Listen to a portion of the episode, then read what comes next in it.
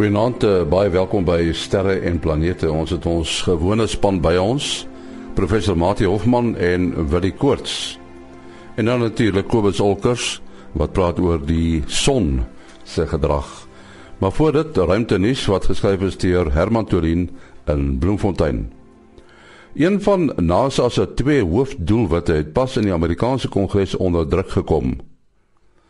Volgens NASA se stigtingsakte moet NASA die ruimte verken, maar ook vanuit die ruimte help dat die aarde beter verstaan word. NASA speel dus 'n groot rol in die ontleding van klimaatsverandering en hoe dit die aarde gaan raak. Met die onlangse oorneem van beide huise van die Kongres deur die Republikeine, het Senator Ted Cruz, 'n bekende ontkenner van klimaatsverandering, egter voorsitter van die subkomitee oor ruimte en wetenskap geword wat die wenkbroue laat lig het. Hy het tydens 'n onlangse sitting waar die hoof van NASA, Charles Bolden, getuienis afgelê het, gesê hy wil sien dat NASA meer spandeer op ruimtenavorsing en minder oor wat op die aarde aangaan. 'n Groot deel van Mars se noordelike halfrond is voorheen deur 'n see bedek wat plek plek meer as 'n kilometer diep sou wees. Tot verhouding met die aarde en Mars se groottes sou hierdie oseaan groter as die Atlantiese Oseaan wees. Het wetenskaplikes bevind wat Mars se atmosfeer intensief met verskeie teleskope bestudeer het. Hierdie oseaan het ongeveer 4 miljard jaar gelede bestaan. Aanvanklik sou die water hoofsaaklik gewone water wees, soos ons dit op die aarde ken, naamlik H2O. Mars met sy ligter aantrekkingskrag sou egter geduidelik die gewone water verloor het en stadiger die swaarder vorm bekend as H2O behou het. Dit is moontlik dat heelwat van die water nog ondergronds op Mars vasgevang is. Tot sover ruimte nuus wat geskryf is deur Herman Turin in Bloemfontein.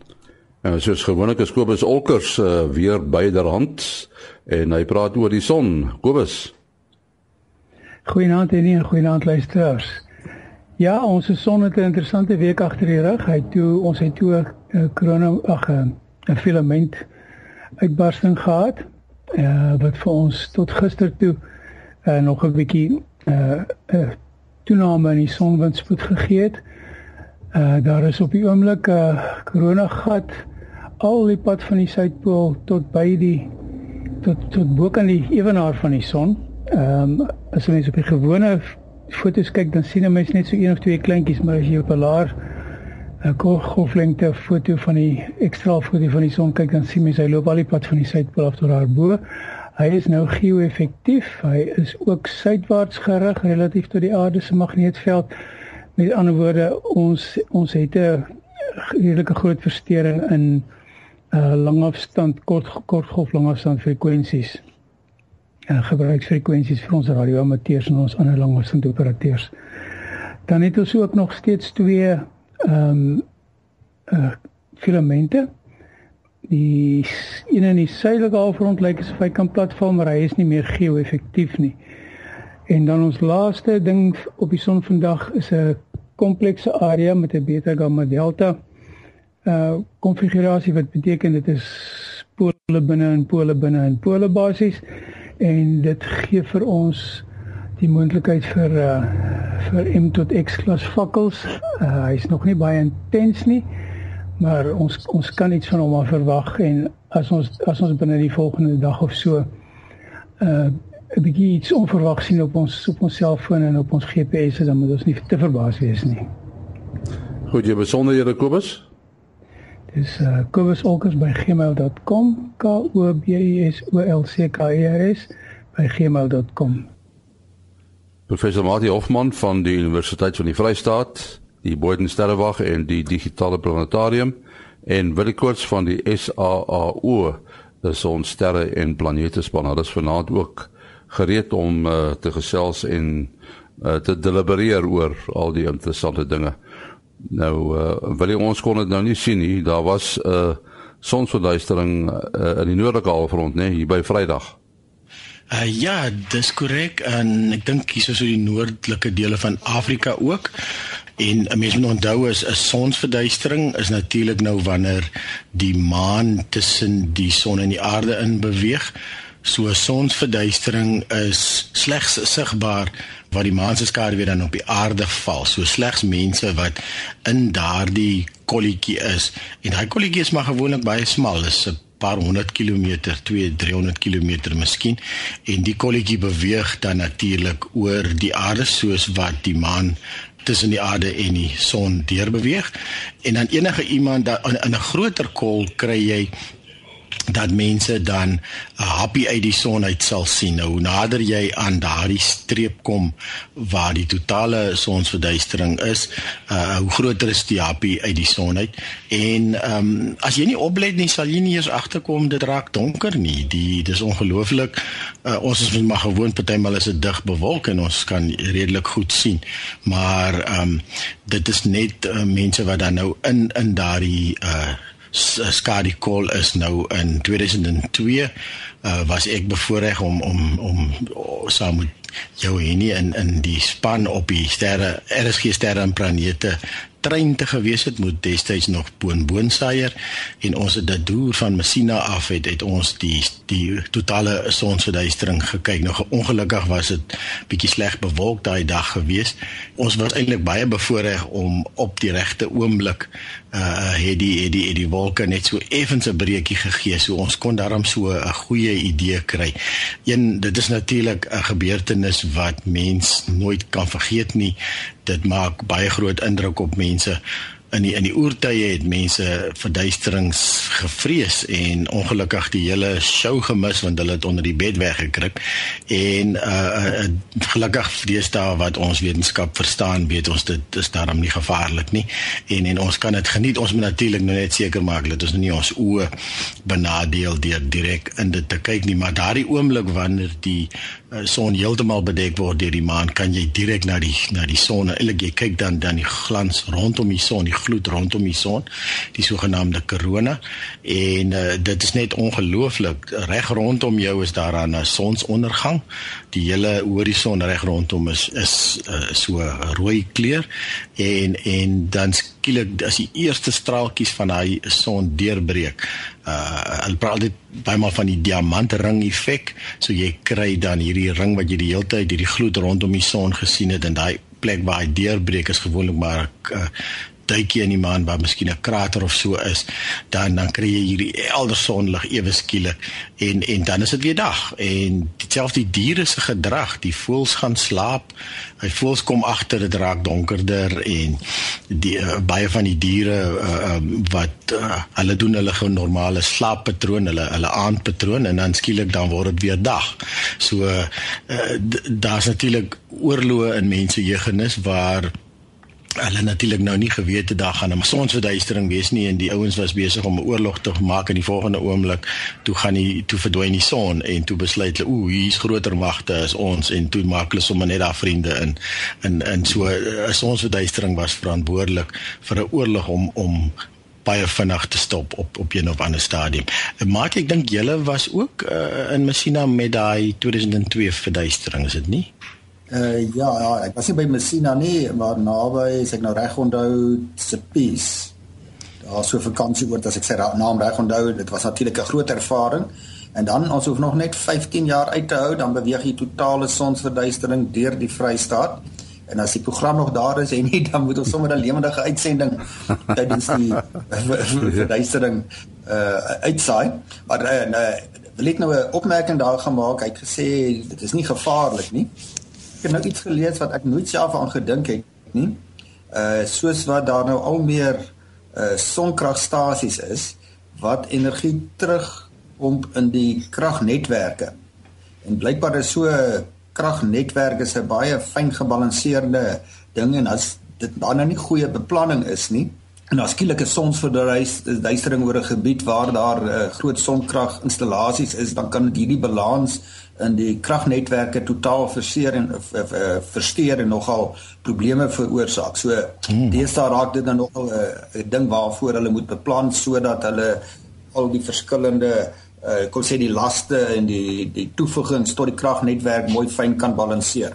Hmm. Maar maar word hierdie krag nie in elk geval in 'n battery gestoor nie. Van van die surplus word deesdae in die kragnetwerke teruggesit wat veral in ander lande hier by ons begin ons nou net net begin daarmee maak. Ek dink daar by Port Elizabeth is die weg al gebaan dat hulle dit kan doen. Ehm um, maar jy kan jou dink as as as die kragnetwerke sekere verbruik toelaat op 'n sekere stadium en skielik sonder dat dit beplan is, val 'n groot deel van die van die toevoer weg, dan kan dit probleme veroorsaak. So dit moet fyn gebalanseer word. Ja, want want soos jy nou sê, uh, ja, ek weet daar's by Touservuur is daar ook 'n sonplaas besig om om op te kom wat al redelik groot is en ek weet in die Noord-Kaap is daar redelike groot planne. En ehm um, ja, so dit maak eintlik sin as dit as dit bewolk was, gaan jy natuurlik dieselfde effek kry uh tot 'n mate, maar uh, ja, dit dit maak nogal sin. Ja, jy het gevra of dit nie gestoor word nie. Um, om natuurlik soveel krag te stoor in batterye, jy 'n enorm hoeveelheid batterye nodig. So ek het 'n idee, ons is nog glad nie kenners op die gebied nie, maar ek ek dink amper dit word direk omgeskakel na wisselstroom en en direk in die netwerk ingestoot. So in daai hele balans van die netwerk maak nogal baie sin. Dit is natuurlik een van die groot gevare van van beerdkrag as beerdkrag nie toegepas word nie kan en en die stelsel oorlaai uh as die spul eers begin te imit kaarttuimel, dis dit soos 'n kaarthuis, uh, uh, dan kry jy groot dan klink dit vir my kan dit baie lank vat om die stelsel weer op lyn te kry as as as hierdie balans versteur word. Jy, uh, miskien moet jy net verduidelik, ons het nou gepraat oor oor 'n sonsverduistering. Uh, hoe verskil dit van 'n maansverduistering? Ja, die interessante ding is natuurlik dat sonsverduisteringe en maansverduisteringe vind uh, naby mekaar plaas in die sin van amper 'n maand uitmekaar wat 'n mens natuurlik nodig het is 'n presiese opleiding tussen die drie voorwerpe, die aarde, uh die maan en die son. Nou vir die sonsverduistering moet die maan presies tussen 'n bepaalde plek op die aarde en die son wees.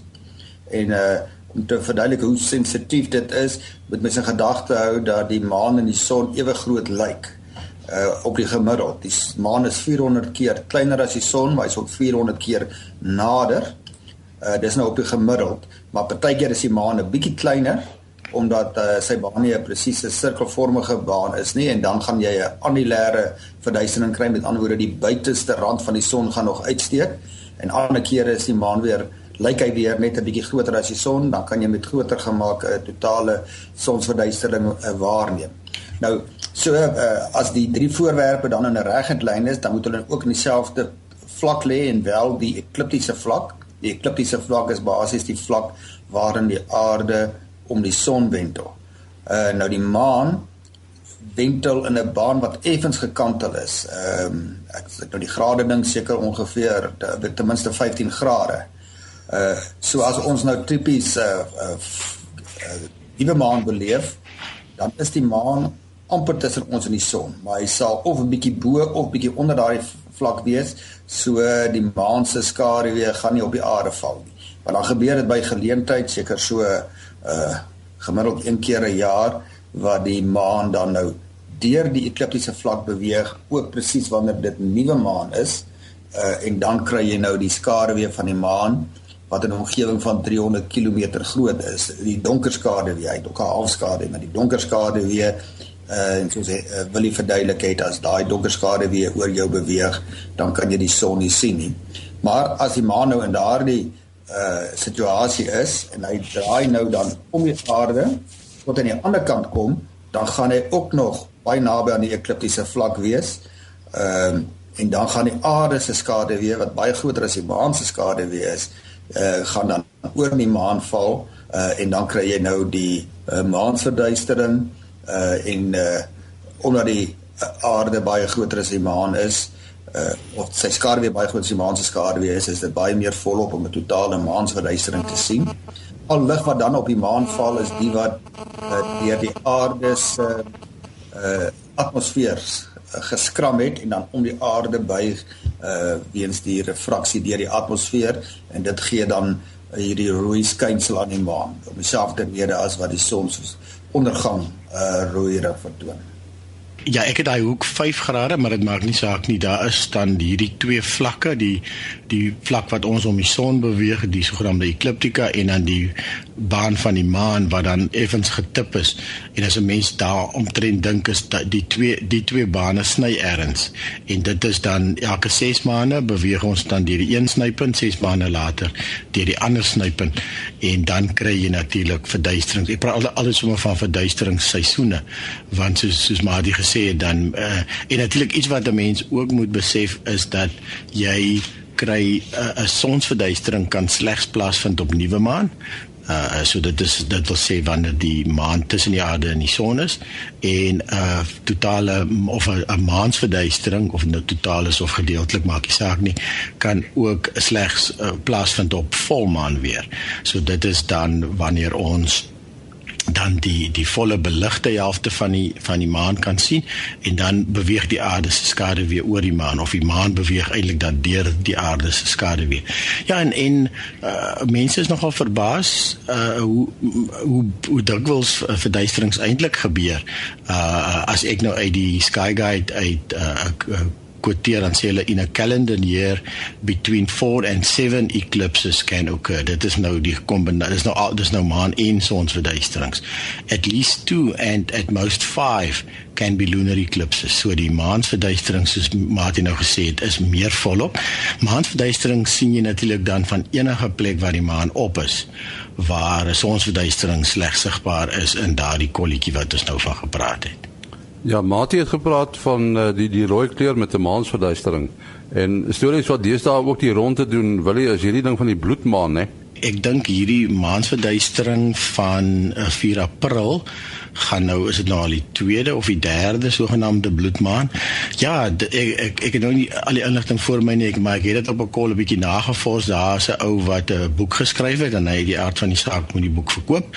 En ehm um, en en hy het 'n verband gesien tussen vier agtereenvolgende maansverduisterings en dan val dit op Joodse vakansiedae uh jy sê jy sê fees daar uh um soos uh wat's dit Passover uh, uh, uh en nou uh um het hy 'n uh, koneksie gemaak het dit teruggevat in die geskiedenis wanneer die goed voorheen gebeur het ensovoorts ensovoorts en dan het dit nou aan allerhande uh um 'n rampe gekoppel wat ek dink Hitler kom ergens in die stelsel en ek kan nie die al die detail onthou nie.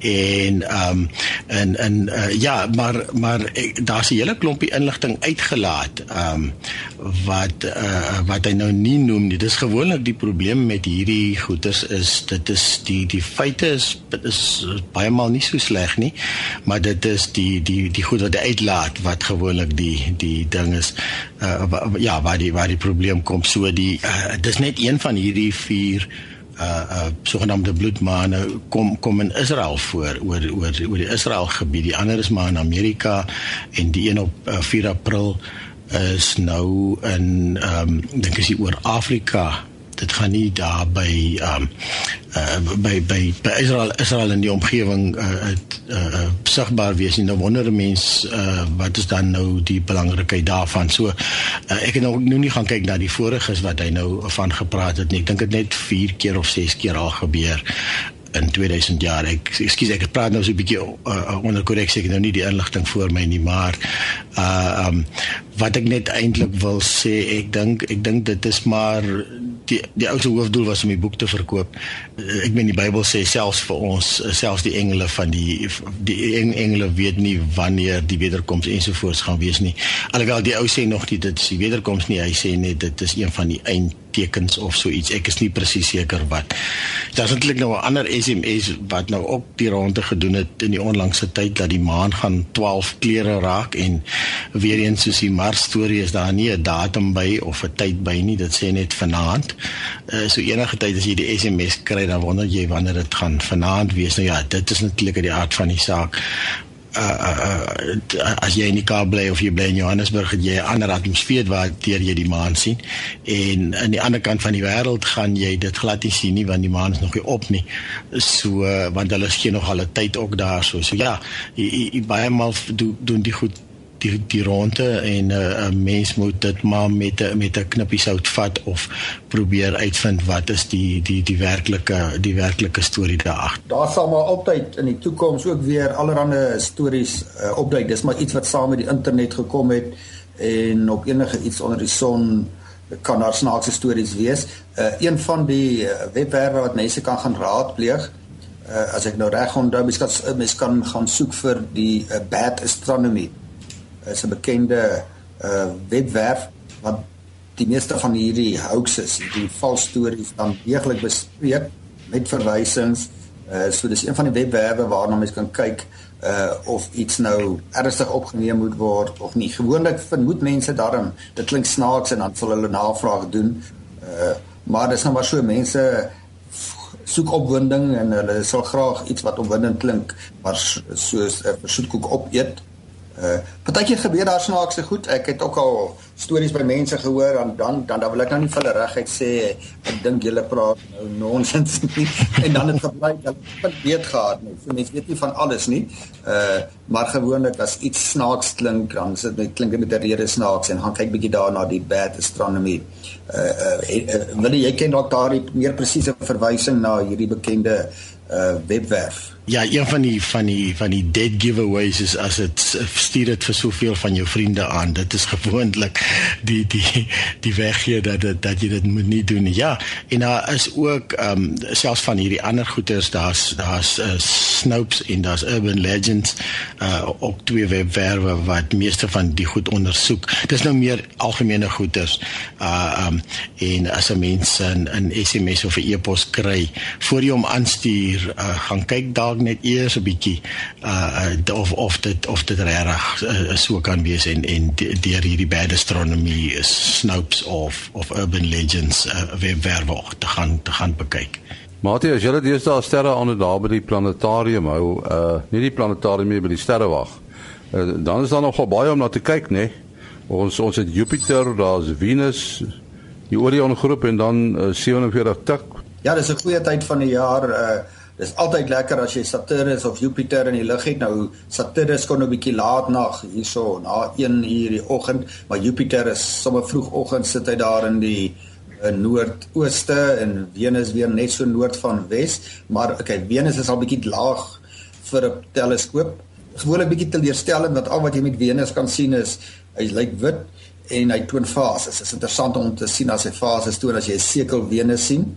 Maar dan mens natuurlik die hele gebied uh, rondom die rondom Orion met die Orion nevel ehm uh, met die sewe susters uh, dan het jy nou in die suidelike uh, omgewing om die suiderkruis nie te laat op nie en daarso het jy die Eta Carina gebied ehm um, en uh, jy het uh, die Omega Centauri bolvormige sterrehoop Juwele Cassie uh, hier aan die noorde toe het jy ook die Byekorf uh, so is nou lekker as mens hierdie voorwerpe leer ken uh En die luisteraars moet maar onthou die meeste van hierdie voorwerpe wat 'n mens nou met die teleskoop kyk, kan jy ten minste deur die daar kom sê deur 'n kleinerige amateur teleskoop kyk, kan jy met 'n verkyker ook al geniet. Val die weier groter voorwerpe. Die soos jy wil so mens kan maar jou eie ontdekkingsreis gaan gaan onderneem al het jy nog geen kennis nie en jy ontdek vir jouself allerlei interessante groeperings en dan kan jy nou gaan moeite doen en dit gaan opsoek. Ehm um, en gaan kyk maar wel, wat het ek nou in daai omgewing gesien? Ek kan onthou toe ek nou baie onkundig nog was, het ek so klein soekteleskoop, 'n skiet skeiskiet teleskoopie geleer. So ek kon hom nie eers oordentlik na die sterre hemel buig nie, want hy kon nie hoog genoeg opdraai nie. So ek het hom maar so 'n verkyker in my hand gehou. Dis hoe ek begin sterre kyk het en ek het die een aand uh toe ontdek ek iets wat vir my baie vreemd was, 'n mooi ronde sirkeltjie. Daar was vier sterretjies wat presies in 'n reguit lyn rondom hom gelê het. Uh en uh ek was uh by kom myself skop toe ek nou agterkom. Dis niks met sterretjies wat in 'n ry lê te doen nie. Dit was Jupiter en sy vier Galileanse maane. Maar dit is nog lekker as jy self iets vir jouself ontdek en dan later nou bevestig uh wat het jy nou eintlik na gekyk Ja, ek moet sê ek het selfs 'n dubbelster een aand ontdek, presies ewe na aan die horison, presies ewe helder die twee die twee sterre en en ek het nou begin wonder nou, ek het nou so hier en daar geweet wat aangaan, maar nog nooit presies sulke ewe twee helder sterre gesien nie. En uh toe op 'n stadium toe sien ek hier gaan die een dood en af en die ander een gaan dood en af. Dit is soos iemand voor die karligte verbystap wat bo op die toeskloof staan. So so ons ons sien ook almal UFO's en dan maak ons dit gelukkig IFO's identified uh, not only flying objects in die geval nie. So ja, dit is 'n lekker ontdekking. Ons sien op ons sterre en planete Facebook groep as 'n klompie ouens aktief wat nou lekker die ontdekkings begin doen. Moet eers moet verkykers eenhoud met 'n kamera gespeel en en uh, nou 'n teleskoop gekry en lekker om dit te deel met ander mense. So ja, dit is eintlik 'n lekker ontdekkingstog. En 'n mens mens moet uh, nie dis nou amper mens dink nou aan visvang.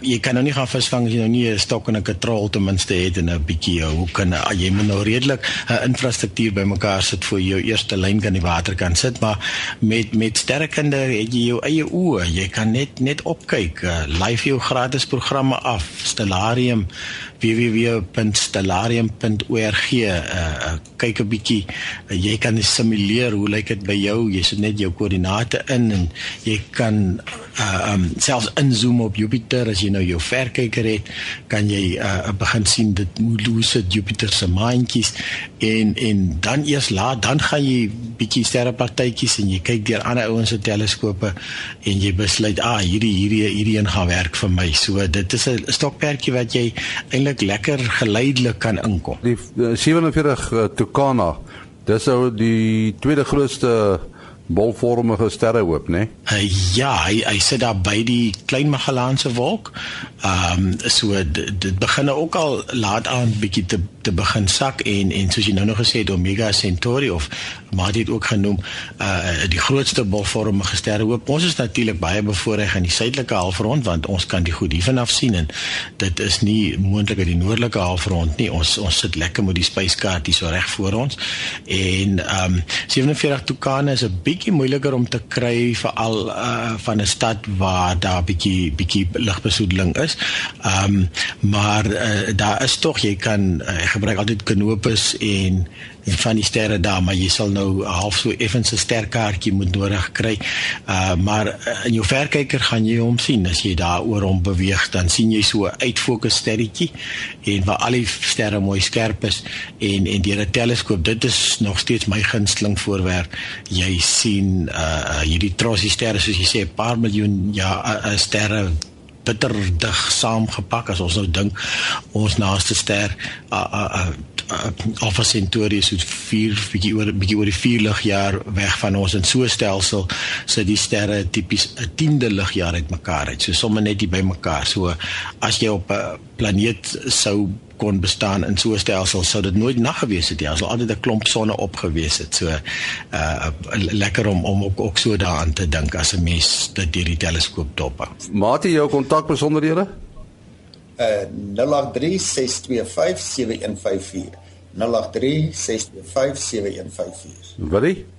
0724579208 0724579208 Ons sê baie dankie aan professor Mati Hofman en Willie Koorts.